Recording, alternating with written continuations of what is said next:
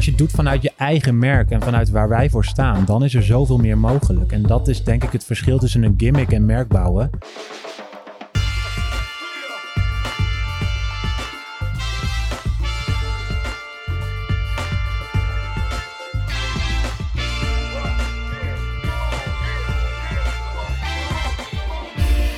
Goedemorgen, goedemiddag of goede avond wanneer u ook luistert. En welkom bij de Brief, de podcast over content, marketing en media. U bent beland bij afleveringetje nummer 53. Het is vandaag 3 juni aan mijn linkerhand waardevriend en waardecollega Head of Strategy bij Wayne Parker Kent, Matthijs Stielman. Hallo. Hoi Matt. Hoe is het? Ja, goed. Ja? Ja. Er mag ook wel eens aan jou gevraagd worden. Ja, nee, ik Ja. krijg hier ook te weinig aan. Dat is Ja, ook zo. ja. Eh, vaste openingsvraag staat in het draaiboek. Wat is de beste content die je hebt gezien de afgelopen twee weken? Nou, niet gezien, gehoord. Mag ook. Het is weer een podcast. Oké. Dat was alweer een tijdje geleden volgens mij dat ik dat getipt heb. Eh, de podcast van de BBC, eh, die heet 50 Things That Made the Modern Economy. Ehm, ja, fantastisch verhaal over eh, nou ja, de 50 dingen die de huidige economie gevormd hebben. Ehm, en dan hebben we het over de dieselmotor, maar ook over bakstenen. En eh, het paspoort en eh, ja, de, zwanenhals in de keuken onder je gootstenen is ook zo'n ding wat een enorme impact heeft gehad op, eh, op de moderne economie. En zo zijn er allemaal van die dingen waar je eigenlijk normaal nooit bij stilstaat. Dat ze ook ooit een keer bedacht zijn en dat ze best wel invloedrijk zijn geweest. Ehm, en die worden in iedere aflevering worden die besproken. Het zijn een aflevering van 10 minuutjes. Dus het luistert ook lekker weg. En ehm, ja, aangezien ik tegenwoordig wat dichter bij kantoor woon, is eh 10 minuten podcast ideaal voor mijn, eh, mijn heen en weer loopje. En is het dan interviews ook mensen of is het gewoon een vertelling Nee, het is van... vertellend, ja. Ja, en zo'n zo'n hele fijne Engelse BBC-stem die dat, eh, die dat vertelt. Dus ehm, ja, Wat Check is- it out. Van de 50, wat is, wat is je favoriet? Ehm, ik vond de, ja, die zwanenhals vond ik heel tof. Dat is echt zo'n ding waarvan je denkt van, nou ja, dat, dat is er gewoon. Maar dat is dus ook gewoon bedacht. En, en qua hygiëne heeft het een enorme impact gehad. Eh, De zeecontainer is ook zo'n ding waar, waar serieus de hele wereldeconomie ongeveer op gebaseerd is. Maar ook dat ding is ooit een keer door, door mensen eh, vormgegeven. En daar zit ook een idee achter. Eh, dus die is tof. En ehm, ja, de baksteen vind ik ook tof. De baksteen. De baksteen. Wat een tip, Matthijs. Ja, toch? Heerlijk, man. Eh, tegenover ons zit, eh, zoals u van ons gewend bent, de gast. Die begon bij de Efteling, zeer zeker. Ging daarna toen naar Nie Media, van die Nie inderdaad. Later overgenomen door Media Lane. Maar voordat dat gebeurde, belandde onze gast in de bierenwereld. Wel als brandmanager bij App InBev, waar anders. Had daar aanvankelijk merken zoals Hertog Jan en Leffe onder zijn hoede. Focuste zich daarna een jaartje lang op Leffe. En is inmiddels alweer anderhalf jaar brandmanager van Hertog Jan. Sjors van Drie. Goedenavond. Hoe is het, Sjors? Goed. Is het de eerste keer dat je te gast bent in een podcast toevallig? Zeker. En Ja? wellicht ook wel de laatste, maar dat zullen we meemaken. Ja, dat ligt maar net aan je ervaring hier natuurlijk. Precies. Hoe, is je ervaring als luisteraar van een podcast? Ben je een beetje ervaren? Ik luister naar die van jullie. Dat eh, deed ik nog niet voordat ik was uitgenodigd. Maar eh, heel leuk. Hoe meer niche, hoe beter, denk ik. Dus, eh, Heb je een, heb je een tip? Is er iets wat je, wat je nu omhoog springt waarvan je denkt... Oh, nou, nee, ik is- vind eh, soms word je teleurgesteld. Dan ben je aan het luisteren heel lang. Verdoe je heel veel van je kostbare tijd. En dan blijkt het toch een beetje de verkeerde kant op te gaan. Dus eh, ik zou zeggen, duidelijker aangeven waar het over gaat van tevoren. Kijk, Niet alleen de gast, maar ook de onderwerpen. Kijk. Maar verder eh, heel leuk. top. Je mag blijven, Mark. Ik mag blijven. Ja, man. Helemaal goed. Gedaan. Nou, als ik dan toch mag blijven, dan gaan we nu naar het nieuws. Maar eerst even dit. In de studio, en zoals u van ons gewend bent, gaan we eerst drie nieuwsitems eh, bespreken die de media- en marketingwereld in zijn verband hebben gehouden. En we beginnen binnen de landsgrenzen en wel bij Zeeman. Eh, u kan het niet gemist hebben. Ze hebben opnieuw een statement gemaakt en dit keer eh, rondom sneakers. Want wat heeft Zeeman gedaan? Ze hebben een sneaker gemaakt van 200 piek en een sneaker van 13 piek. Eh, de duurdere sneakers aangeprezen met influencers exclusief te verkrijgen via pop-up stores en inschrijvingen. En gemaakt van exclusieve materialen, allemaal gekkigheid. En die goedkopere was gewoon één productfoto in de winkel te verkrijgen voor iedere boerenlul met 13 euro in zijn portemonnee. Ehm, het was dus een beetje een, een, een stunt, net als die, die bruidsjurk die ze eh, een tijdje geleden hadden voor, eh, voor 29 of 30 euro of zo, geloof ik. Ehm, eh, en dus eigenlijk een beetje bedoeld als een soort statement richting de, de duurdere merken. Die, die sneakers voor aardig wat centjes in de winkel, winkel gooien. En eigenlijk zegt Zeeman hiermee, joh, het kan eigenlijk allemaal veel, goedkoper. Eigenlijk ook. Ehm, er kwam een beetje feedback op, of een beetje kritiek eigenlijk via social media. Want iedereen zei, ja, eh, die sneakers van 13 piek, zijn die dan wel netjes gemaakt? Hè? Het riekt toch een heel klein beetje naar eh, dat ze ongetwijfeld door hele zwetende mensen die slecht betaald worden ergens in een ver land eh, in de krochten van een of andere fabriek in elkaar zijn ge- ge- geshopt voor dat geld. Ehm, maar Caroline van Tu- Turenhout, die manager marketing en communication is binnen Europa voor Zeeman, die, die reageerde in de adformatie als volgt. Die zei, de schoenen zijn geproduceerd in twee soortgelijke soortgelijke fabrieken in China die op gelijke wijze worden geauditeerd en zijn gecertificeerd omdat ze zich aan de afgesproken code of conduct houden. Of code of conduct moet ik zeggen. Daarbij gaat het om goede werkomstandigheden en geen kinderarbeid. En in die fabrieken laten wij vaker onze producten maken. Ofwel, zowel de duurdere als de goedkope zijn zowel in die, allebei die fabrieken gemaakt. Eh er zat een heel leuk filmpje bij waarin ze dat allemaal aankondigden. We hadden heel goed gekeken naar Apple en Samsung, zowel in de muziek als in de styling. Maar goed, dat zal ongetwijfeld ook weer een kleine knipoog zijn. In principe best wel goede marketing. Maar er zit hier een sneakerhead aan tafel, Matthijs. Ja. Wat, eh, wat vind jij als fan? Ehm, Is dat nou een terechte kritiek op de, de sneakermarkt? Of eh, is het, wat is het? Nou ja, het is meer een lesje marketing voor de gewone Nederlander. Weet je, ja, kijk, ik denk dat, dat iedereen best wel weet dat die Nike sneakers of, of welk merk je ook koopt voor 200 euro, dat die geen 200 euro kost om te maken. Maar je koopt daarbij ook de exclusiviteit, de reputatie, de ik heb ze wel, jij kan ze niet krijgen, dat gevoel, zeg maar. Ehm, ja, dat is geen geheim, zeg maar. En, en ik ben meer benieuwd wat Zeeman hier dan mee denkt te bereiken. Van, van nou ja, oké, we hebben dit bewezen, tof, lesje marketing voor heel Nederland.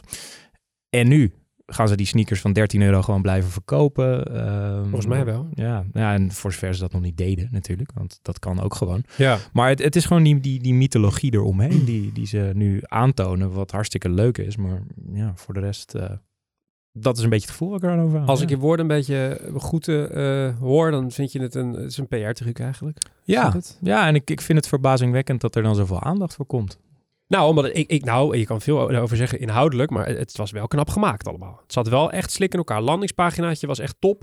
Eh, Ja. Lanceringsfilmpje was top. Ik vond de, de messaging eromheen ook, die klopte wel als een bus. Eh, je vraagt je alleen af, eh, wat nu inderdaad? Ja, kijk, ik denk stel ze hadden zo'n sneaker gemaakt. Juist alleen die van 13 euro. Dus ze hadden niet gezegd hoe duur die was. En die hadden ze bij al die influencers erin gegooid. En het was een hype geworden. En vervolgens zie je die overal. En denk je van, ah, die moet ik hebben. Want al die, die hype beasts, die hebben dat ding.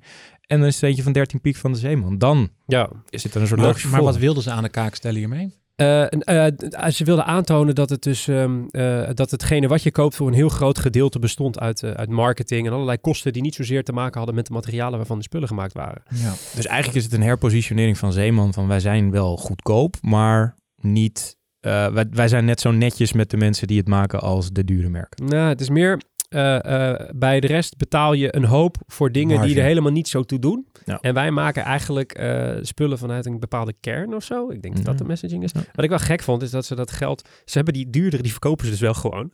Dus ze harken wel gewoon lekker die Nee, 200 dat gaat naar een goed doel, hè? Gaat het allemaal naar een goed doel? Jazeker. Dat heb ik dus nergens kunnen vinden. Nou, dat vind ik, ben ik blij mee. Want ik de heb hier marge gaat naar een goed doel. De marge gaat Ja. naar een goed doel. Oké. Ja, de marketing wordt wel betaald natuurlijk. Ja, Maar- ja, Ja, en als ze die dan in een oplage doen van 100 stuks of iets dergelijks en dan zo tegen, tegen Maar dat is het. Het is een hele extreem beperkt op. Maar dit is, een, dit is een feitje wat het, dat maakt het een hoop goed. Dat het voor, Ja, het, goede, voor het goede doel is. Ja. Ja. Matcht allemaal niet heel lekker bij elkaar, als ik heel eerlijk ben. Eh, De boodschap normaal, ja, de trouwjurk had een betere, duidelijkere boodschap, Ja. inziens. Maar ja, en ze hebben natuurlijk die fashion show een keer gedaan. Hè, met die fake Ja. eh, fashion designer op de Fashion Week. tof. Ja. Ehm, Ja, di- Bas Kosters, toch? Ja, zo'n hele collectie. Kan wel. Ja. En die, ja, dit voelt als een iteratie op een trucje wat ze al eerder hebben gedaan. Omdat ze niet per se hetzelfde trucje wilden Ja. doen. En daardoor in een scene zijn beland Ja. die waarschijnlijk niet zo heel veel geeft. Het voelt om- een beetje te veel anti. Dat vind ik jammer van Zeeman. Ik vind Zeeman heel positief. En eh, Ja. ik moet zeggen, al hun merkcampagnes echt fantastisch Ja, momenteel. Ja. Ehm, dus het is jammer dat het een beetje meer anti is. Maar Ja. goed, wel heel knap gedaan. ja. Heel knap gedaan dus. en veel eh, reuring, dus fantastische campagne doel natuurlijk. ongetwijfeld, eh, ongetwijfeld eh, behaald. Eh, een merk dat zijn doel niet eh, eh, heeft behaald, of het- ik weet niet of dit de bedoeling was, Matthijs, is eh, de North Face, hè, volgens mij. Ja, ja, de North Face die had een klein oepsietje eh, afgelopen week. Eh, artikel uit Adweek. Eh, wat heeft de North Face gedaan? Of in ieder geval hun, hun agency, volgens mij uit Brazilië. Die hadden het eh, idee bedacht van eh, wat we gaan doen om op de eerste plek in Google terecht te komen. Is alle foto's op YouTube, nee, op, sorry, op Wikipedia. ehm, te gaan vervangen door foto's die niet zo heel subtiel product placement hadden van de North. Dus ze hebben professionele fotografen naar mooie locaties gestuurd in de wereld die allemaal op Wikipedia stonden en staan. En vervolgens zijn zij dus ehm, ja, die, die foto's gaan eh, plaatsen, omdat het natuurlijk open source is en iedereen mag daar iets aan doen. Ehm, nou ja, in eerste instantie ging dat best goed. Eh, toen hadden ze iets van, hier moeten we een casefilm van maken. Ze hebben dus Hey. letterlijk een casefilm gemaakt. Waarin dus ook, ik heb even teruggekeken, letterlijk staat van... We did this in collaboration with Wikipedia. Nou ja, ik, ik heb zelf ook wel eens geprobeerd om een merkpagina gewoon op Wikipedia te krijgen. Nou, dat is echt, om, do- om door die community heen te komen, dat is echt moeilijk. Zeg je nou indirect dat je hem geprobeerd hebt om de Matthijs Dielman Wikipedia Nee, nee, nee, dat was in mijn, eh, mijn vorige leven, Ah, ja, zeg maar. Om dat, eh, om dat erop te krijgen van een merk waar ik voor werkte. Maar dat, daar kom je echt niet doorheen. Die mensen die daarachter zitten zijn zo fanatiek, wordt zo goed gedaan. En ehm, ja, die kwamen dus ook gewoon in één keer volle bak eh, naar buiten van Noordface. Ik weet niet wat jullie aan het doen zijn, maar dit druist volledig in tegen wie wij zijn, wat we doen. Claim alsjeblieft niet dat het een collaboration was, want dat was het sowieso niet. Ehm, dus die hebben hun handen daar wel flink aan gebrand en eh, ja, officieel excuses gemaakt. Dus eh, ja, ik ben meer benieuwd wat, wat, wat, wat, wij, wat jullie hiervan vinden. Van. Het is ergens zit er ook iets slims in. Van je, Ja. je gaat natuurlijk meteen naar die, die nummer één positie in Google. Het is open source. Ja, nou ja, kijk, ik denk eh, nu, het is, staat op Adweek, dus wij hebben het erover, maar ik denk de consument doesn't care, give a flying fuck, denk ik. Eh, niet dat ze het doen, maar ook niet dat die foto's die product placement bevatten. Ik weet niet, ik vind het een heel gek kanaal om dit in te proberen. Nou ja, ik denk als je de hoeveelheid traffic ziet op zo'n gemiddelde Ja, pagina, nee, dat maar, de van, modus nou, waarin men zit als men op die foto's klikt en het type persoon dat op klikt, is allemaal niet eh, eh, eh, na te gaan. Je, je, je legt indirect een soort van de link van iedereen die die locaties opzoekt eh, in op Wikipedia, die is per definitie een potentiële klant van de North Face. Nou, het Terwijl waren wel het is niet- locaties gewoon waar je echt moet hiken om er te komen. Maar het en- waren, en ja, dat bedoel ik. Ik vind het eigenlijk wel heel erg bij ze passen.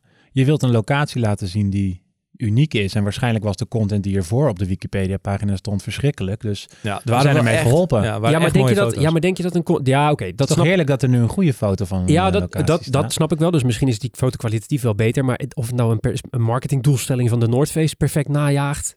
Ja, versus ik had er alle... een leuke statement over gemaakt als ik hun was. Maar Ja, ik zat ook te denken van... een case-video wel een hele Ja. rare manier Ja. om ermee Ja. naar buiten te treden. Ja. Nou, en ik had ook zoiets van, oké, doe dit dan vanuit een iets ander perspectief. Maak gewoon die hele mooie foto's. Ja, en dat en ga ik, eh, proberen of mensen die dingen eh, uit zichzelf uploaden. Ja. Eh, dan is het een eerlijke manier. En dan, dan is het ook gewoon organisch. Ja, of jank gewoon heel die product placement eruit. En breng het inderdaad gewoon als een initiatief om die plekken beter op beeld, in beeld te brengen. was iets chiquer geweest. En En, bouw dan had je er wel een case-video over Exact, en bouw er dan een campagne mee. purpose.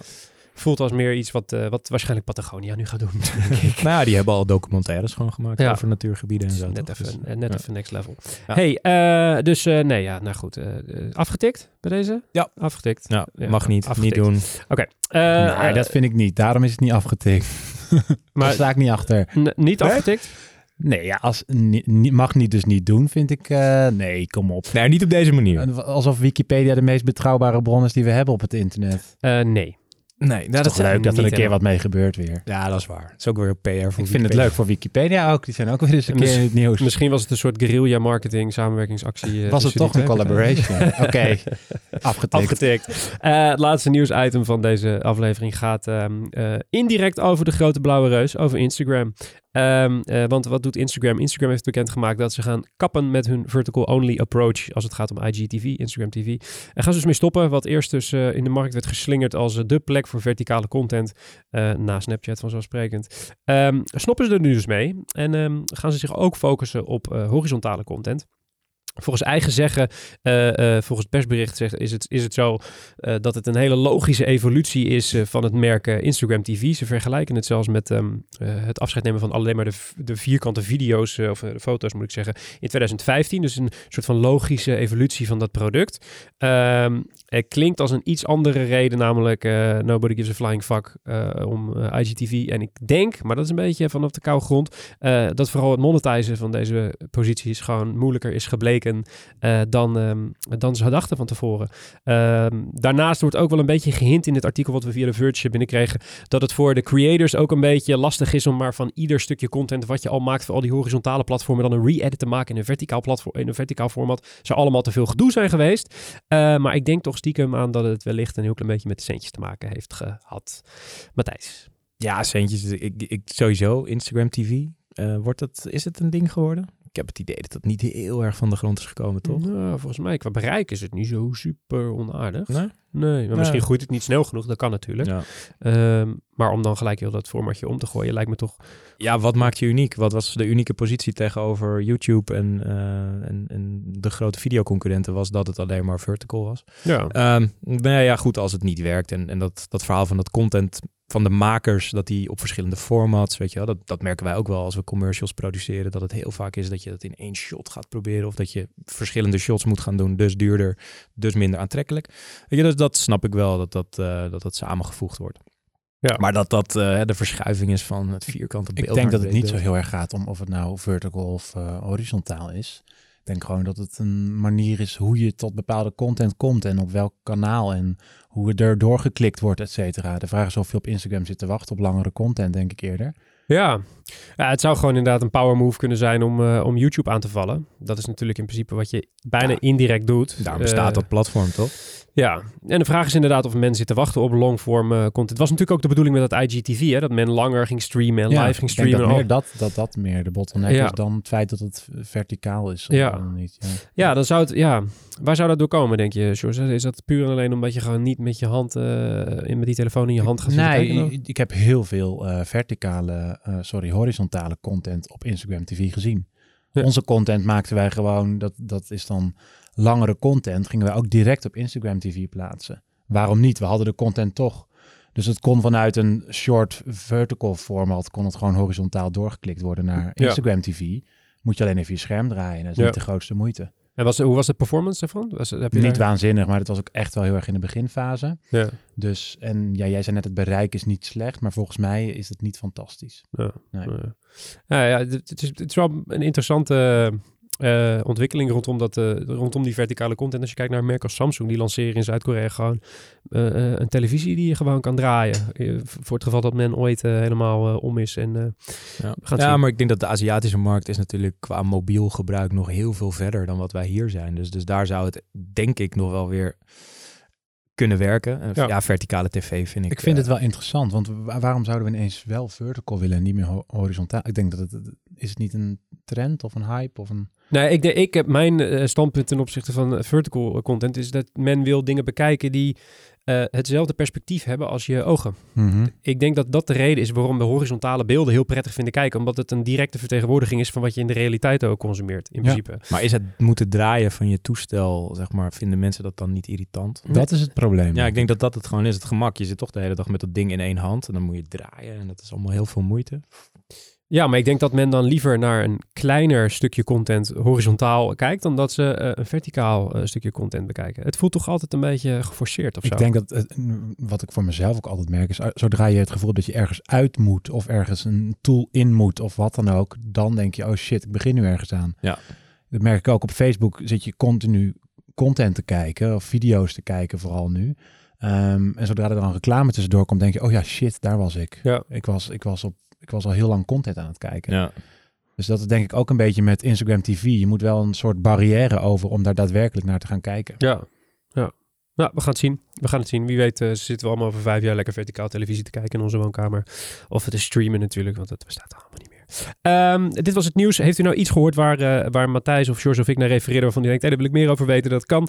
Uh, we stoppen namelijk alle verwijzingen, inclusief alle linkjes van de nieuwsitems in de beschrijving van deze aflevering. Dus het is met één drukje op de knop in je favoriete podcastspeler allemaal te vinden. Dat gezegd hebben, dan gaan we nu naar het interview, maar eerst eventjes uh, dit. Inmiddels weet je waarschijnlijk wel dat de brief gemaakt wordt door Wayne Parker Kent. Daar werk ik en daar werkt Matthijs. En, en wellicht werk jij binnenkort ook bij ons. Want we zoeken non-stop nieuwe talentvolle mensen die ons komen versterken. Dus ben je een mediastratege, accountmanager, redacteur, copywriter, designer, developer, projectmanager, videoproducer. Zoek je een stage, een fulltime job, parttime job, freelance job of heb je gewoon een vet idee. Uh, whatever, dan zijn we wellicht dus op zoek naar jou en zouden we graag een kopje koffie met je drinken. Alle openstaande vacatures vind je op wayneparkerkent.com slash jobs. En wat je ook kan doen is klikken op het linkje in de beschrijving van deze aflevering.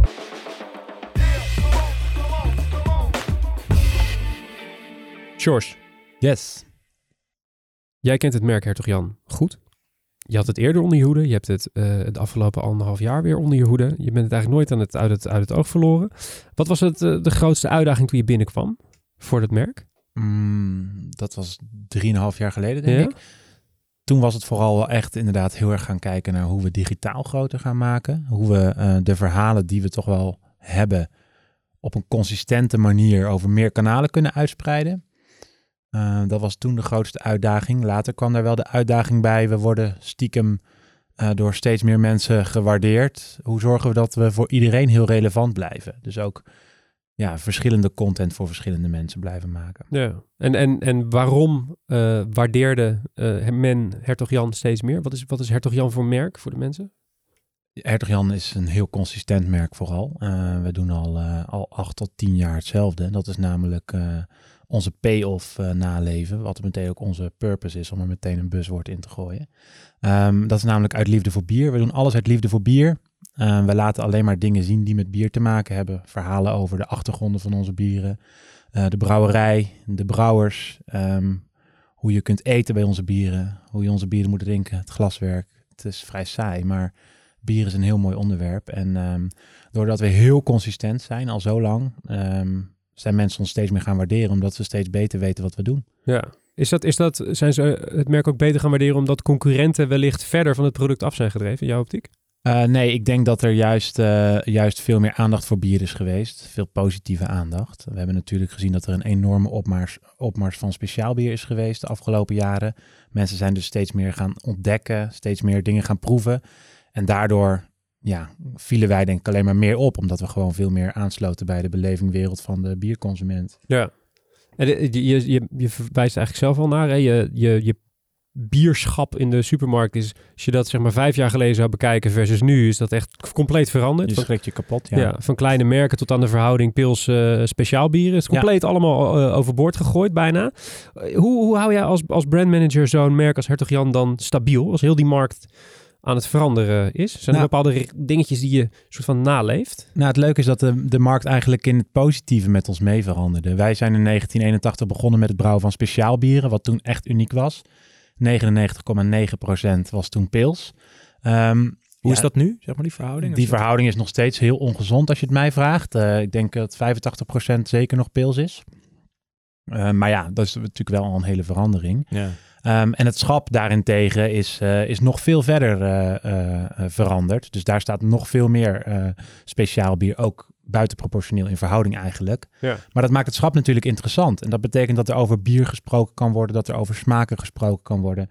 Over brouwers, vakmanschap, verschillende technieken. Dus eigenlijk leent het nieuwe bierschap, of eigenlijk gewoon de nieuwe Nederlandse biercultuur, leent zich veel meer voor een merk als Hertog Jan. Omdat mensen veel meer begrijpen wat we eigenlijk aan het doen zijn al die jaren. Wie, wie is jullie drinker? Is dat... Uh, Onze drinker is heel simpel een bierliefhebber. En dat gaat vrij breed. Um, waar er nog niet zoveel speciaal bieren waren, was, waren wij echt een alternatief natuurlijk. Um, maar nog steeds hebben wij gewoon hele goede bieren. Dat zeg ik niet alleen, dat zeggen gelukkig ook heel veel awards die wij winnen over de hele wereld op, uh, op bierwedstrijden. Um, dus wij hebben een, een heel goede bierportfolio. Um, en we hebben een heel mooi pilsner. Dus wij bedienen eigenlijk heel veel verschillende doelgroepen. Of dat nou iemand is die alleen maar pils drinkt en daar heel blij is met een vast merk als Hertog Jan. Of iemand die wat wil experimenteren en eigenlijk alleen maar onze Grand Prestige lekker vindt ja, wij kunnen heel veel mensen bereiken, omdat we gewoon een heel breed portfolio hebben met een, uh, met een heel duidelijk verhaal. Ja, het is wel, je hebt dus een hele brede doelgroep, maar binnen die doelgroep zijn allerlei nuances en kleinere groepjes Zeker. te definiëren. Eigenlijk hebben we een, uh, een piramide als doelgroep, waaraan onderaan uh, bierdrinkers staan. Um, uh, wat een hele brede doelgroep is in Nederland natuurlijk. En die gaat eigenlijk steeds, uh, steeds meer niche wordt die. Uh, die begint bij Pilsener, wat gewoon het meest, het meest gedronken bier is. En die eindigt bij vatgerijpte Grand Prestige. Wat een redelijk niche product is, waar een limited edition van wordt gelanceerd. Dus zowel in content als in bier bieden we eigenlijk voor die hele piramide iets aan. En dat begint vrij breed met, hallo wij zijn Hertog Jan en we hebben een heel mooi Pilsener. Tot een heel niche branded content verhaal, waarin je ja, hele documentaires induikt zelfs. Ja, en is dan, je zegt zelf al dat mensen schuiven eigenlijk van, van biertje naar biertje op. We raken dan een beetje een soort van geïntegreerd in dat wereldje. Maak je als brandmanager ook bepaalde keuzes om dat overstappen of dat proeven te stimuleren? Of, of heb je gewoon Grand Prestige drinkers die ooit pilsdrinkers waren, om het zo maar te zeggen. Ja, we maken snel de fout om dan met uh, toegankelijke bieren, om, om een beetje te overbruggen van pils naar speciaal bier of zo. Ik denk dat, dat, dat zie je meerdere merken doen. Daar is Hertog Jan niet per se het merk voor. Het, het fijne is dat Hertog Jan wel heel vertrouwd voelt. Juist doordat je het kent van dat, van dat pils, durf je er ook sneller de overstap naar te maken. Maar uiteindelijk is het iedereen zijn persoonlijke smaak en gaat het echt om wat er in het flesje zit. Dus daar kan ik als marketeer een heel mooi verhaal houden. Maar het gaat echt om wat erin zit. Dus als dat gewoon een goed product is en uh, uh, dat kunnen we bij Hertog Jan, dan zit het goed. En wat wij als brouwer gewoon heel erg doen, is niet te veel gekke uitstapjes maken. Dus het is heel belangrijk dat onze brouwers het lekker vinden wat we maken. Maar het is vooral heel belangrijk dat de consument en de bierliefhebber in Nederland het lekker vindt. Dus wij staan nooit bekend om een mega hoppige IPA. Wij staan niet bekend om de meest gekke ingrediënten en en, en, en toestanden. Want daardoor zou het een heel snobistische wereld worden. En dat past niet bij een toegankelijk down-to-earth merk als Hertog Jan. En, en wie bewaakt die, eh, nou, ik wil zeggen terughoudendheid, maar die dat conservatisme om een, op een positieve manier of die ingetogenheid? Nou, de grap is dat dat juist heel erg bij onze brouwers vandaan komt. Die hebben dat heel erg in zich om te zeggen, ja, we moeten iets goeds maken. Het moet gewoon heel goed kloppen. En balans is ook toch een van de onderdelen die heel belangrijk is als je een smaak aan het creëren bent. En natuurlijk gaat een bier de ene keer naar een hoppigere smaak en de andere keer naar een, een moutigere smaak. Maar het moet wel in balans zijn, want dat is een heel belangrijk deel van het vakmanschap van onze brouwers. Ja, ja je noemt zelf die, de brouwers en ook in je, in je, in je intro. De, de brouwers zijn gewoon een van de meest essentiële ingrediënten in je marketingverhaal, hè, om het zo maar te zeggen. Juist. Ehm, eh, kan je de luisteraars meenemen in het proces, hoe zo'n proces werkt? Hoe werk je dan met die brouwers samen als Het marketeer zijn? Nou, het gaat twee kanten op. De ene keer komen wij met een gek idee. Meestal is marketing een wat gekker idee. De andere keer is het een brouwer. Ehm, dus dan, dan, dan is iemand... We hebben bijvoorbeeld ook thuisbrouwers die, die bij ons werken... maar ondertussen ook thuis lekker aan het experimenteren zijn... en dan in één keer een geniale vondst gedaan hebben. En dan, eh, nou, dan kom ik in Arsen en dan moet ik het proeven. En dan denk ik, ja, shit, hier moeten we wat mee... want dit is gewoon fantastisch. Ehm, de andere keer zeggen wij van jongens, het zou echt wel heel tof zijn als we toch iets met Radler kunnen doen. We weten dat jullie er geen fan van zijn, maar commercieel gezien is het voor ons toch wel interessant. En sowieso, kom aan, wij moeten er iets mee kunnen. Ehm, mochten jullie toch iets vinden wat jullie als brouwers tof vinden in een Radler, laat het ons weten. En daar is onze bastaart uit ontstaan. Die heet ook bastaart omdat het een, een mengelmoesje is van iets wat niet helemaal binnen de familie past, namelijk limonade, wat geen bier is. En bier. Ehm, dus zij zijn gekomen met gebrouwen limonade. Dus nou, als we het op die manier doen, dan is het toch nog wel heel bierig. Ja. En eh, ja, anders hadden we het ook echt niet gedaan. Nee, en, en die brouwers die spelen in jullie content ook al eigenlijk van oudsher al, eh, al, een, al een rol. De, de dingen die, Ja. Eh, eh, die jullie vorig jaar hebben gemaakt, die, die wij samen met jullie deels hebben gemaakt. eh, daarin spelen ook al die brouwers een hele duidelijke rol. Is er een soort castingproces voor die mensen achter de schermen? Dat je toch een beetje kijkt als er een nieuwe brouwer zich aandoet, hoe, hoe camerageniek is zo'n persoon? Of past dat niet bij... Ik kijk er stiekem wel naar, maar daar worden ze niet op aangenomen. Nee. Nee, nee, dat is best lastig hoor. Ehm, ja, vorig jaar hebben we eigenlijk een, zijn we de weg ingeslagen dat we uit onderzoek merkten we dat we het heel erg goed doen op, op wat we willen vertellen. En mensen weten ook echt waar we voor staan. En ja, eigenlijk op alle parameters gaat het goed. Maar wij vinden echtheid zo ontzettend belangrijk om die authenticiteit te waarborgen. En we merkten dat er toch nog heel veel mensen zijn die continu zeggen: zijn het nou acteurs of zijn het nou brouwers? Dus we wilden juist die echtheid nog meer laten zien. Dus wat we ook doen in onze tv-commercials is niet meer een voice-over het heel mooi laten vertellen. Maar onze brouwers op camera tegen jou te laten praten, om het nog echter te laten lijken. Maar ja, het zijn geen voice actors, het zijn geen voice-overs. Ehm, dus soms wordt je content daar misschien wat minder, ja, wat moet je, eh, geniek van, uh, fotogeniek, Minder videogeniek, zo, min- ja. minder gelikt. Ja. Ehm, dus dat is best een uitdaging. Maar die echtheid is voor ons toch echt wel heel belangrijk. En ja, dat correspondeert gewoon bij alles wat er in het merk zit. Die mensen vertellen het, want zij maken het. Ja, zit, zit er een bepaalde grens aan die, waar je al wel eens tegenaan bent gelopen in die, in die zoektocht naar authenticiteit? Dat je Ja. eh, op een gegeven moment tegen een soort barrière aanloopt dat je denkt, oké, nu wordt het misschien te echt. Vindt men, men Ja. wil misschien toch een, een beetje shine Zeker, we zijn geen eh, publieke omroep. We maken geen content om... met die eh, VPRO. nou ja, wij maken natuurlijk content om bierliefhebbers te, eh, ja, blij, blij van te laten worden. Educatie is daarin heel belangrijk. Dus soms zijn we daar wel in doorgeschoten. Dat ik merkte van ja, dit is heel leuk om te maken. Maar ofwel het wordt te niche. Dus ja, we gaan heel technisch worden. Of we gaan echt heel veel de diepte in. Ja, dan, dan is het bijna geen marketing meer. Omdat het zo ja, ontzettend niche wordt. Dus dan wordt je doelgroep gewoon te klein. Maar we hebben ook echt gemerkt in onderzoek dat consumenten ook wel iets moois en soms juist een beetje een romantisch beeld willen laten zien. Maar, maar hoe vind je die balans? Want jullie hebben bijvoorbeeld voor de Grand Prestige een app gelanceerd, waarin je Ja. jarenlang in principe zo'n bier kan volgen. Ja. Dat is ook niet direct commercieel natuurlijk interessant. Mm, Maar dat, voor de lange termijn, voor je merk is precies. Ja, dat bouwt allemaal mee aan het merk. Dus wat wij, wat wij zien in onze content die we maken, is dat je het wel mooi in beeld mag brengen, maar het moet wel een echt verhaal zijn. Dus dat is een balans die je heel erg vindt. En het is niet zomaar van, goh, laat het nog rauwer zien en dan wordt het vanzelf echt gevonden. Nee, het gaat om dat het verhaal echt is. En dat vind ik het mooie aan, aan de, de digitale rijpingskelder waar je aan refereert. Wij zijn vanuit het verhaal van het rijpen van Grand Prestige. Dat is eh, ons kroonjuweel van de brouwerij, noemen we het altijd. Een bier van, eh van 10% dat ja, onze meesterbrouwer heeft bij toeval ontdekt dat je dat, je dat bier kunt, uh, kunt rijpen. Dus als je het zes jaar laat liggen, wordt de smaak eigenlijk alleen maar beter. Um, en dat verhaal vertellen wij op onze brouwerij in Arsen, waar jaarlijks 50.000 mensen komen. Dus dat is een heel mooi verhaal wat we aan nou, een hele grote groep mensen kunnen vertellen, maar niet groot genoeg wat ons betreft. En toen zijn we daar een documentaire over gaan maken met Joris Vermeer, om dat verhaal nog meer te vertellen hebben we zelfs een, eh, een tv-commercial gemaakt met de, met de lijn speciaal weer om te laten liggen. Wat blijkbaar best wel revolutionair was, want mensen zeiden, ja, maar je moet toch bier meteen drinken. Nou, dus dat was echt wel een, ja, mensen iets, iets bijbrengen, educatie. Maar we merkten juist dat er eigenlijk alleen maar meer vragen kwamen. Dus bij ons op, uh, op Facebook waren de consumenten die continu vroegen aan ons: hoe moet ik hem dan bewaren? Waar moet ik hem, moet ik hem neerleggen? Moet ik hem laten staan? Uh, welke temperatuur. Hij ligt in mijn kruipruimte, hij ligt in mijn garage, hij ligt in mijn keukenkastje. Eigenlijk is er continu een, een stroom aan vragen van mensen die, daar, die daarmee bezig waren. Wat fantastisch is, want zo kunnen wij het gesprek aangaan. Maar zo is er eigenlijk vanuit ons digitale bureau ISOBAR gezegd van, ja, we moeten hier iets digitaals op kunnen vinden. Wij merken zo erg dat, dat die vraag maar op blijft komen. En daar is de, uh, de digitale rijpingskelder vanuit ontstaan om mensen mee te nemen in het proces. Dus vanaf begin af aan, als je je fles koopt, nemen we mensen mee. Dan zeggen we waar je hem neer mag leggen, hoe je hem neer moet leggen, wat de temperatuur moet zijn, echt de basis. En vervolgens blijven we je sowieso zes jaar lang op de hoogte houden van de status van jouw fles. Wat, wat zich ontwikkelt, hoe de smaak zich ontwikkelt en, uh, en wat er in jouw fles gebeurt eigenlijk. Ja, en die, die, die, dit zijn de mensen die dan de fles Grand Prestige thuis neerleggen. Het zijn de, de bierconnoisseurs, die weten wat ze kopen. Dus het, het, duurste bier wat er, uh, wat er in de winkel ligt. Um, daarnet refereerde je net al aan, aan de brouwers die zelf thuis brouwen. Je hebt ook heel veel consumenten die nu thuis brouwen.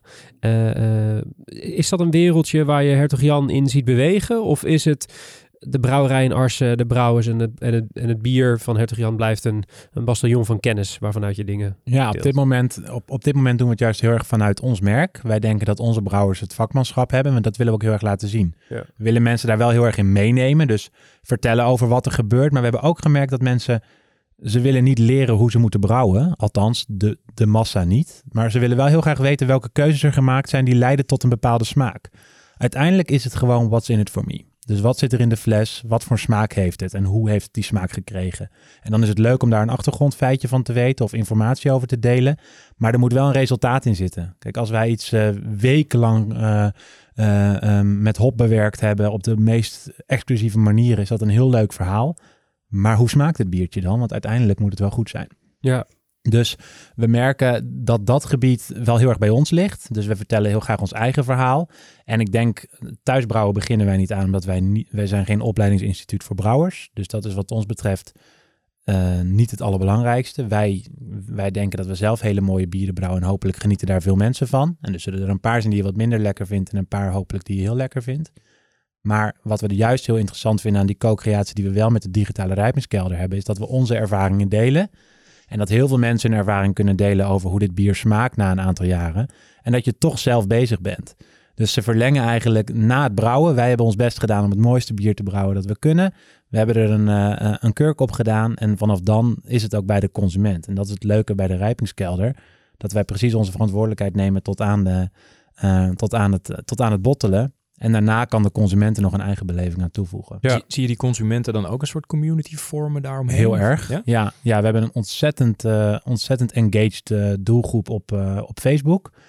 Dat is echt bizar. We zien ook dat ze ons altijd verdedigen. Dus als we dan op community management niet snel genoeg reageren, dan zijn er in ieder geval alweer drie liefhebbers geweest die ons verdedigd hebben. Of al antwoord gegeven hebben op de vraag hoe je dan een fles moet bewaren. En ze, we zien ze nu ook echt heel actief foto's delen van hun kelder. Hoeveel erin liggen, et cetera. En dat is het mooiste. Dat die mensen met elkaar in gesprek raken. En op de, ja, op de digitale rijpingskelder hebben we ook ingebouwd dat je je ervaring kunt delen. Dus mocht jij hem openen, deel vooral hoe die smaakt. Want wij kunnen wel zeggen dat we zes jaar het lekkerst vinden. Althans, dat zegt onze meesterbrouwer Gerard van den Broek. Maar wat vind jij er nou van als consument? En als je die smaak kunt omschrijven, kun je dus ook gewoon lezen. Nou, na drie jaar vindt Nederland dat die zo smaakt. Misschien vind je dat wel het lekkerst. Lijkt me wel heel uh, verleidelijk om, hoe je het merk natuurlijk omschrijft. Uh, Hertog Jan heeft een heel duidelijk verhaal.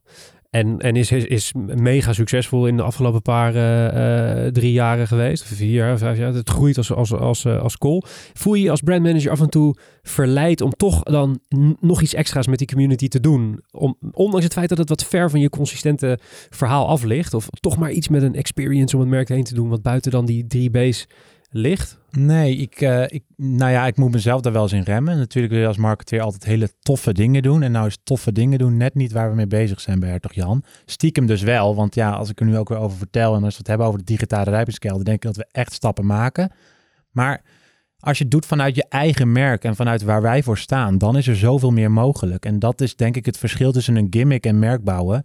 is dat wij het doen vanuit onze liefde voor bier, wat echt oprecht is. We toetsen alles bij onze brouwers. En als ik dan weer een idee heb en ze zeggen waar de fuck heb jij het over? Dan, dan denk ik, oké, dit moeten we dus niet doen. Ik zat weer in mijn marketingbubbel.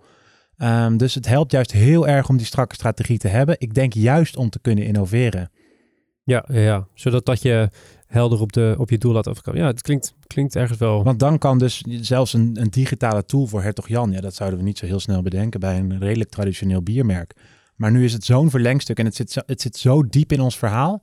En dat komt dus ook vanuit een idee van ons bureau dat na een aantal bezoeken aan artsen zei van ja, maar dit verhaal willen we echt groter gaan vertellen. Dus het komt zo vanuit onze brouwerij. Ja, ja. Nee, dit klinkt, dit klinkt, dit klinkt logisch. En, en als je kijkt naar online content in het algemeen, hè, je, je, wat de luisteraar even heel snel moet weten om een kleine disclaimer te doen voordat we lezersbrieven krijgen. Uh, Wayne Parker Kent, waar Matthijs en ik uh, voor werken, hebben vorig jaar samen met het bureau De Valley uh, de campagne gemaakt voor, voor Hertog Jan. De, met name het, het online deel en de televisiecommercials en, en de native content die daaromheen hing. Um, George, je zei net al, toen ik binnenkwam bij Hertog Jan was de grootste uitdaging, hoe gaan we het verhaal wat we hebben drie jaar geleden zo consistent mogelijk verplaatsen en verspreiden over al die verschillende kanalen. Als je nu kijkt naar welke rol online content speelt binnen de marketingmix van Hertog Jan, hoe zou je dat omschrijven? Nou, ik denk dat wij heel sterk zijn in op verschillende touchpoints een verhaal te vertellen, ook op verschillende manieren. En dat digitaal daar gewoon een onmisbare schakel in is. Dus waar we het verhaal ook vertellen, dat we het altijd op maat kunnen vertellen. En dat is het leuke aan de content die we met jullie gemaakt hebben. We hebben heel bewust een branded content partner aangesloten, omdat het heel leuk is om een verhaal vanuit Hertog Jan te vertellen. Maar het is veel beter om te weten wat een lezer of een kijker nou echt wil zien. En daarom haken we heel graag partners aan. Dat doen we bijvoorbeeld ook met het NRC of met de persgroep. We maken hele gerichte content op degene die het wil lezen. En waar wij heel erg in geloven is, ja, we noemen het zelf altijd aandacht zonder schreeuwen. Dat is ook hoe wij groot zijn geworden als Hertog Jan. We vertellen een verhaal wat heel relevant is voor jou, maar we pushen nooit. Je zult ons nooit horen zeggen, koop dit, koop dat. Nee, dat laten we heel erg bij de consument. We zijn er echt van overtuigd dat de consument zelf de keuze kan maken. Als je die set van ja, communicatiemiddelen gezien hebt, die verhalen hebt gelezen, het product is een keer geproefd, om dan zelf de keuze te maken, dit is een product voor mij. Dus uiteindelijk is het uiteraard is het marketing, maar we vertellen wel echt ons verhaal. En dat, daar is digitaal gewoon heel belangrijk in geworden. En niet alleen onze own digitale kanalen, want dat is denk ik de uitdaging die er drie jaar geleden misschien nog wel puur lag. Maar vooral ook de diepgang op, op digitale kanalen van, van derden. Dus waaronder die van jullie natuurlijk. Ja. Hoe vind je die balans, zeg maar? Dus ik vind het mooi wat je zegt. Dus, dus die aandacht verdienen eigenlijk, dat je, Ja. dat, je dat wil. Maar hoe eh, kom je tot de balans inderdaad tussen artikelen bij de persgroep en bij NRC versus eh, TVC's en, en dat soort dingen, wat jullie ook gewoon nog doen? Nou, dat, daar is die piramide van die doelgroep voor ons gewoon weer heel belangrijk voor. Je houdt altijd een, een, een massacommunicatie. Want we zijn niet een merk dat alleen maar in, in Arsen in Limburg verkocht wordt. We zijn landelijk gewoon heel sterk. Dus je hebt die massacommunicatie nog steeds voor de doelgroep die we hebben, heb je die, eh, heb je die eh, best wel nodig. Zeker ook als je ziet naar het eh, competitieve veld. Bierreclames zijn er in overvloed. Dus wij moeten echt wel, echt wel af en toe onze, onze nek blijven uitsteken om gewoon zichtbaar te zijn. Maar diepgang is voor ons echt vele malen belangrijker. En we merken ook in alle merkparameters dat, dat we daarop het verschil maken. En daar kunnen we ook het verschil op maken, omdat ja, die diepgang die klopt bij ons. En eh, we gaan het niet winnen als we moeten schreeuwen, dan gaan we het echt niet winnen in Nederland. Dus, eh, dus daar moeten we het ook gewoon niet van hebben. Zijn er los van het schreeuwen andere dingen die online voor Hertog Jan niet werken? Wat je hebt gemerkt? Die dingen die je hebt geprobeerd waarvan je dacht, nou, dat, eh, dat, dat moeten we voortaan niet meer doen. Nou, eh, nou, we hadden het net even over Instagram TV. Eh, ik denk niet dat we dat niet meer moesten doen, want het was gewoon leuk om te proberen. De content was er, dus we hebben daar niks speciaal voor ge- gemaakt. Bij ons is, dat, is die balans misschien nog wel moeilijker dan het, dan het zoeken binnen de, binnen de kanalen wat je, wat je net vroeg. Want kijk, we kunnen per kanaal best wel duidelijk zeggen, nou op tv ja, daar kan ik nou eenmaal geen zeven minuten documentaire uitzenden. Dat kan ik simpelweg niet betalen. Dus daar wordt je boodschap al snel wat platter of, of ja, wat, wat duidelijker, laat ik het zo zeggen. Ehm, wat juist heel lastig is, is op onze owned kanalen kijken. Hoe ga je daar de balans tussen advertising en het vertellen van verhalen brengen? En het is heel moeilijk om naar korte content te gaan bijvoorbeeld. En dat is natuurlijk wel een trend die, waar we heel erg in mee moesten als hertog Jan. Van ja, hallo, hoe gaan wij... We hebben zoveel te vertellen. Hoe zorgen we dat het nou heel kort en krachtig over de bühne komt op een Facebook, op een Instagram? En dat is een zoektocht geweest, denk ik. En daar zijn we soms een beetje iets meer naar links, maar altijd consistent. En dan soms weer een beetje meer naar rechts. En nu hebben we gewoon veel duidelijker per kanaal gedefinieerd wat we willen doen. Dus we maken content om te amuseren of om te, eh, vooral om, uh, om educatie uh, in terug te laten komen. Maar we maken ook content om uh, te vertellen dat we een nieuw product hebben. En, en, en verschillen die kanalen, zeg maar? Dus, dus als je een aantal kanalen moet noemen, wat voor functies Nou, we hebben nu eindelijk, of eindelijk, we hebben, uh, denk nu anderhalf jaar geleden hebben we Instagram als nieuw kanaal toegevoegd. Er was ook een twijfel, was ook typisch zo'n moment waarin je zegt, waar vind je de balans? Gaan we als Hertog Jan daarin mee? Of kan je niet zonder? Nou, kan je niet zonder, daar denken we niet heel erg aan, want wij kunnen prima zonder een aantal dingen. We doen ook heel veel dingen niet namelijk. Maar Instagram is voor ons, uh, zijn we gaan kijken, wat kunnen wij daar nou, wat kan het voor ons brengen? In plaats van dat wij mee moeten doen aan Instagram, um, zijn we gaan kijken, hoe kan Instagram uh, uh, iets voor ons betekenen? Wat kunnen we daar gaan vertellen? En um, toen hebben we besloten om gewoon wel mee te gaan in wat er belangrijk is op Instagram, dat je mooie content hebt. Maar in tegenstelling tot wat daar gebeurt, is puur een coole foto laten zien laten wij daar een heel verhaal zien. Dus wij, wij nemen daar mensen echt mee in een kijkje in de, ja, in de brouwerij. Dus we leren daar mensen weer wat. Dus die educatie die voor ons zo belangrijk is, die voegen we eigenlijk toe bij elke foto. Dus er staat best wel een lab tekst onder voor Instagram. Geen hashtags onder, want dat vonden we dan weer een tikje te commercieel. Ja, zeg maar tegen een digitaal bureau dat je geen hashtags wil. Dat is natuurlijk belachelijk. Dus daar hebben we ook wel discussies over gevoerd. Maar het mooie was dat zij zeiden, nee, eigenlijk moeten we het helemaal niet doen. Want waarom doe je dat? Ja, om meer bereik en meer likes, et cetera, te halen. Maar we merken dat het fantastisch gaat. En we zijn inmiddels het tweede kanaal uh, van biermerken in Nederland uh, op Instagram. Mensen vinden het gewoon tof omdat het hele mooie content is. Maar hij, hij ligt ook gewoon heel dicht bij Hertog Jan. Dus die balans is heel belangrijk dat we daarvoor gekozen hebben. En we hebben in het begin ook op Instagram best wel commerciële content gedaan. Althans, het aankondigen van een nieuw product. En dan met backshots en dat Ja, soort en teksten over foto's en zo. En toen dachten we, ja, dat moeten we helemaal niet doen. We moeten gewoon tof laten zien dat een brouwer dat aan het maken is. Want ja, daar, daar leende inmiddels Facebook zich niet meer voor. Ja. Ja, dus die, die verschuiving van het kanaal, dat, Facebook is daarin natuurlijk een, veel meer advertising geworden. Dus daar zijn we wel een beetje in meegegaan. Het heeft geen nut om daar hele leuke, toffe foto's, EKE vakantiefoto's uh, onder te, te blijven zetten. Als heel de wereld daar overheen uh, advertise. Gewoon blazen dus. Nou, ja. dat zeker niet. Uh, een combinatie van uh, het inkopen van advertenties. Zo simpel is het gewoon op, uh, op Facebook. Maar ook juist die community. Dat is dus wel het tweede wat heel belangrijk is voor ons nog steeds op Facebook. Dus die community zelf dingen laten zien. maar vooral in contact staan met onze community. Ja.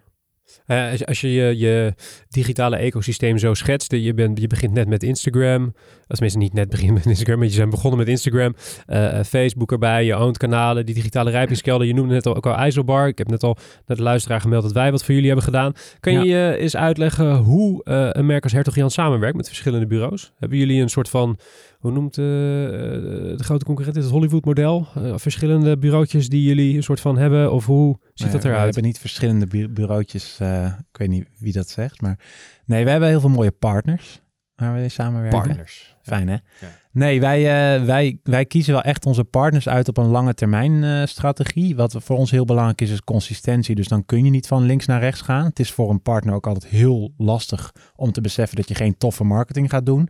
Maar je moet echt mee in onze manier van, uh, van communiceren. Um, zo, ja, zo duidelijk zijn we inmiddels wel. En we kijken gewoon heel erg goed wie er bij welke content past. Dus het is ook echt per project wel kijken naar welke branded content partij past daarbij. Maar het is vooral een, een bureau, uh, The Valley in, in ons geval, dat al sinds wij uit Liefde voor Bier hebben, dat hebben zij, dat hebben zij bedacht. Um, sinds wij uit Liefde voor Bier als onze positionering hebben, blijven ze continu sturen en bijsturen en aangeven van nee, dit moeten we niet doen. Dus vooral heel veel nee zeggen. Uh, dat is wat wij als merk doen. En uh, zo kiezen we eigenlijk steeds partners op, op, op, uh, ja, op vakgebieden. Dus Isobar is daarin onze partner voor digitaal. En daar hebben we verschillende branded content partijen omheen hangen. eh, en soms een PR-bureau. eh, maar we kiezen echt op project daar wie er voor nodig is. En sommige verhalen moeten op een andere manier gebracht worden dan andere verhalen. Juist. En is het zo dat je dan omwille van die consistentie dan ook huiveriger bent om met nieuwe partijen samen te werken als je eenmaal iets hebt gevonden wat je... Ja. Ja, maar ik vind het vooral ook niet, eh, niet per se nodig. Ik vind dat er eh, heel snel vanuit, eh, vanuit klantzijde wordt gekeken naar het bureau doet het niet goed. Of we moeten een ander bureau hebben, want er moet iets veranderen. Ik denk dat het veel slimmer is om met het huidige bureau te gaan zitten en te zeggen: hé, hey, we moeten wat veranderen. Zo hebben wij dat ook met de Valley gedaan. En de Valley is, is confident genoeg om te zeggen: we moeten hier een branded content partij voorbij halen. Want het grote probleem van de afgelopen jaren is juist geweest dat we zelf alleen maar het verhaal vertellen. We moeten nog meer die branded content omarmen. Want dat doen we van oudsher al heel erg. Omdat we zoveel verhaal hebben, wordt er graag over geschreven. Waarom doen we dat dan niet nog groter? Waarom gaan we niet ook onze tv-commercials met een branded content partij maken?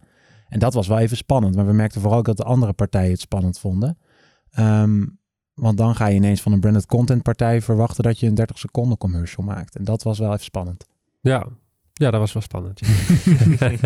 hey, eh, ehm, eh, je eh, refereerde net zelf een heel klein beetje al naar... de, sterker nog, het was het eerste buzzword wat je noemde. Je noemde dat zelf ook een buzzword. Purpose marketing. Heel veel merken zie je nu, en ook grote merken met stabiele, consistente merkverhalen... zie je nu ineens hele vrij vergaande stappen zetten hè, richting ehm, eh, purpose marketing. Hertog Jan doet dat heel duidelijk niet, zoals je net al heel duidelijk hebt uitge- uitgeleged. Ehm, is dat een bewuste keuze? Dat je dat niet doet? Ik heb het woord purpose marketing niet Eh, genoemd. Ik heb pur- purpose, purpose, genoemd. ja. Dat is denk ik wel een verschil. Ik hou je scherp. Ja, nee, nee. Nee, ik denk dat het er wel echt een wezenlijk verschil is. Het is niet zo dat wij als Hertog Jan geen purpose hebben, want wij hebben een heel duidelijke purpose. En wij zijn ook zeker aan het kijken naar hoe wij onze eh, slagkracht in kunnen zetten voor een betere wereld. Dat is echt wel heel belangrijk voor ons. Maar dat betekent niet dat dat ineens onze drijfveer wordt. Dat kan namelijk niet, want onze drijfveer die ligt er al, eh, eh, al heel veel jaren. Eh, Die kunnen wij niet meer veranderen. En dat is wel gevaarlijk, denk ik. Ehm, als je het hebt over purpose marketing, dan is het het inzetten van een purpose, dus het doel wat je altijd gehad zou moeten hebben, ehm, voor, voor een betere verkoop. En dat is niet, dat kan niet ons doel zijn. Dus wat wij heel duidelijk hebben is een purpose. Wij doen namelijk alles uit liefde voor bier. Dus we willen de beste bieren brouwen, de mooiste bieren brouwen. Ook voor een heel breed publiek. Dat is natuurlijk ook wel anders dan, eh, dan, dan sommige andere craftbrouwers. ehm, die juist heel niche willen gaan. Dus het is best wel een heel duidelijke purpose die we hebben. Maar het is nou niet zo dat dat meteen een hele betere wereld tot gevolg heeft. Behalve dat mensen samengebracht worden door bier en er heel erg van kunnen genieten. Maar wat we dus wel aan het doen zijn, is kijken hoe kunnen wij onze positie die we inmiddels hebben. We hebben veel power, want, want we, zijn, eh, eh, we worden steeds groter als merk. Dus we hebben steeds meer power. Hoe kunnen we die power inzetten om, om eh, naast wat we al doen, nog veel meer goeds te doen? En geloof je in, ondanks het feit dat je het inderdaad niet net zelf noemde, maar geloof je in, in purpose marketing Ja, als, als, als, als ding, zeg maar? Dus het verkopen Ja, het is zo moeilijk met dit soort woorden dat het allemaal zo zijn eigen leven gaat leiden. Maar ik geloof zeker in het feit dat iets doen voor een betere wereld eh, eh, je merk veel sterker kan maken. En sterker nog, ik, ik voel het ook meer als een, iets wat je moet doen vanuit je positie dan ja, dat je er altijd maar meteen ook de commerciële kant van moet bekijken. Ik denk dat het eh, je verantwoordelijkheid is als, als grote speler, of je nou een bekend persoon bent of een bekend merk of wat dan ook, om jouw kracht te gebruiken voor, voor iets goeds. En dat kan heel breed zijn. Hè? Het, er wordt wel snel, denk ik, te snel naar een, po- iets populairs gegrepen, wat dan toevallig een hot topic is. En dat vind ik wel gevaarlijk bij purpose marketing. Maar ik heb mm, legio goede voorbeelden gezien waar het een merk natuurlijk echt sterk maakt. Ja. Nou, Ja, in die zin past ja. het ook goed bij jullie visie, dat, dat ook consistentie super belangrijk is. Daarin inderdaad, dus niet dit seizoen eh, doen we eh, wasbeertjes ergens in Oost-Europa. Nee. En volgend jaar gaan we over de plastic soep, want dat is dan hip inderdaad. Ja. Als je gewoon één doel en dat lang volhoudt, kan het ontzettend succesvol eh, zijn Absoluut. voor je merk. Zijn er merken waar je jaloers op bent? Mm. Als, als, als brandmanager? Nou, wat, wat, wat wel soms jaloersmakend is, is dat wij eh, dat we wel ehm, dat we soms moeten inleveren op, eh, op hele kleine, lokale, mooie initiatieven. En dat wij soms dan toch gezien worden als een, eh, als een wat grotere speler, waardoor je die aandacht niet krijgt, bijvoorbeeld. Kun je een voorbeeld geven? Nou, niet een hele specifieke, maar je merkt toch bijvoorbeeld wel als wij, eh, als wij een persbericht versturen, dat dat niet per se eh, overal verschijnt. Want je bent gewoon een commerciële speler, wat natuurlijk heel logisch is. En eh, ehm, ehm, dat hoort erbij. Maar dat, dat is eigenlijk de enige manier waarop ik jaloers kan zijn op andere merken. Want ik vind, ja, wat wij doen en wat wij mogen maken, ehm, er is denk ik niet heel snel een leukere branche te vinden. Nee. Is er binnen je branche een, een, eh, een merkje, wat een merkje, is een beetje, klinkt een beetje oneerbiedig, maar een, een nieuw merk, of misschien een binnenlands biermerk waarvan je denkt, die doen echt toffe dingen? Een, een jonge brouwerij? Nou, wat ik heel leuk vind is, eh, dat komt natuurlijk ook juist vanuit die, dat schaalprobleem wat we misschien soms wel een beetje hebben. Dat iets wat super klein en niche is, dat dat meteen dan ook veel beter is. Mhm. Maar daarin vind ik Jopen bijvoorbeeld een hele mooie transparante speler. Omdat die natuurlijk eigenlijk keihard gaan. ehm, internationaal ook. En Nederland daarmee mooi op de kaart zet als bierland. Ehm, en, en vind ik ook heel consistent brengen wat ze, wat zij willen vertellen. Dus dat, eh, dat vind ik dan interessant. En verder zijn er natuurlijk nog een heleboel eh, open deuren in de bierwereld ehm, in te trappen. Maar het ei vind ik daarin ook een heel mooi voorbeeld. Heel duidelijk je Amsterdamse positie claimen en zo, zo verder groeien. Dat is een interessante manier. Hey, en, en we werken langzaamaan naar het einde van dit gesprek en dan hebben we het altijd over de verre horizon en de stappen die je nog zou willen zetten. Ja, Ehm, je hebt net in dit hele gesprek al eh, sterk benadrukt, eh Hertog Jan is consistentie, Hertog Jan is het verhaal rond die drie B's. ja. Wat is de volgende uitdaging die je ziet voor dat merk? De uitdaging eh, die, die ligt er al. Die, daar zijn we eigenlijk continu aan aan het werken. Dus het is niet zo dat ik een heel groot probleem in de toekomst zie. Want we proberen daar wel op voor te sorteren. Maar het, het belangrijkste voor Hertog Jan is wel dat we onszelf kunnen blijven. En we merken dat het... nou ja, het, het, het succes van Hertog Jan kan, kan ook eh, juist een keerzijde hebben. Dat betekent dat veel meer mensen ons gaan, eh, gaan drinken. Wat we momenteel ook zien natuurlijk. En dat betekent dus dat je steeds minder niche kan worden.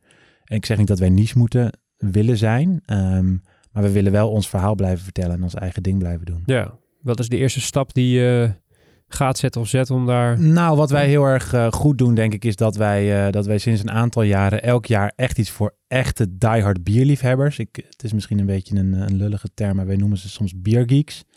Ehm, en daar lanceren wij een, eh, een, een vatgerijpte editie van Grand Prestige voor elk jaar. En dat is wel echt een, een, een speelding. Dat is wel iets waar, waar het vakmanschap van onze brouwers in blijft, eh, eh, naar voren blijft komen. En dat is net iets nicher dan we normaal doen.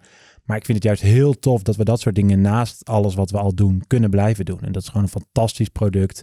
We weten daar echt, echt de bierwereld in Nederland mee op zijn kop te zetten. En als je ook op Facebook kijkt van een aantal van dit soort eh, groepen die, die echt bierliefhebbers samenbrengen, dan weet je dan, oké, we zijn een belangrijke speler. Want dan gaat het een paar weken alleen maar over Hertog Jan Grand Prestige wat gegrijpt. En dat zijn de toffe dingen, de kleinere initiatieven die Hertog Jan maken tot wat het is. En daarnaast blijven we gewoon bier maken voor iedereen in Nederland. En dat betekent dat wij eh, dat we naar onszelf blijven luisteren, maar ook naar de consument.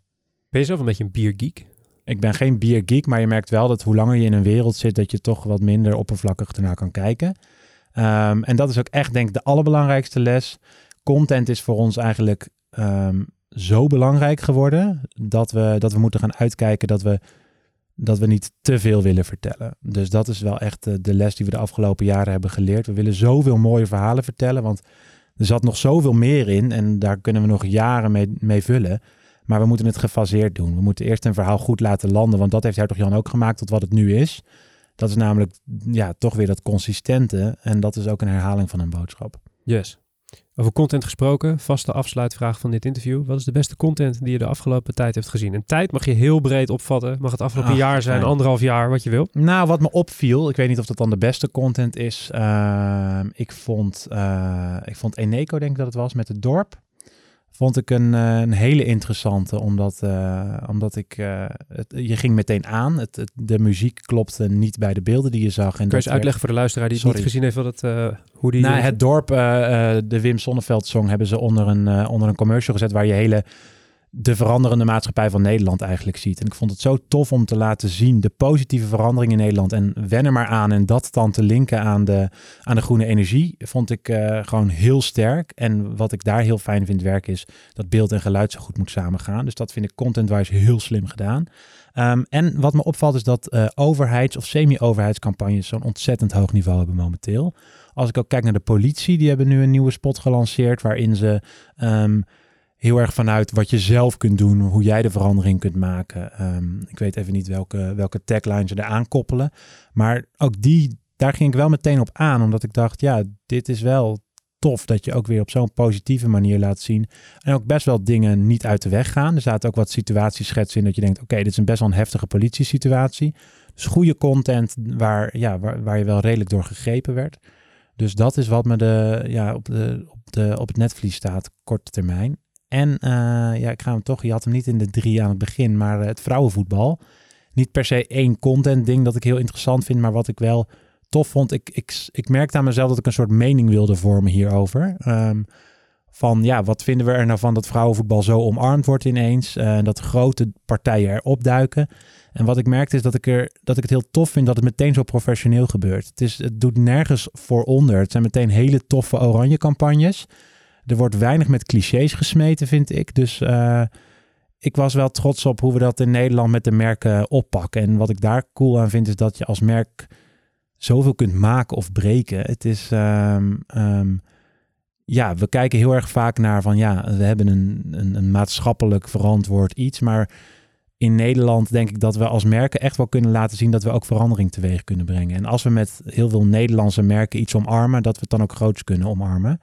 En uh, ja, zo zijn merken dus ook wel belangrijk voor de maatschappij en niet alleen andersom. Dus het is wel leuk, purpose marketing. We kunnen allemaal we, ons merk inzetten voor een goed doel. Um, maar we kunnen dus ook dingen maken of breken. En uh, vrouwenvoetbal uh, vind ik daar wel een leuk voorbeeld van. van de vrouwen hebben het eerst laten zien natuurlijk. Maar we kunnen het nu ook als merk groot maken en daardoor in Nederland echt laten landen hopelijk.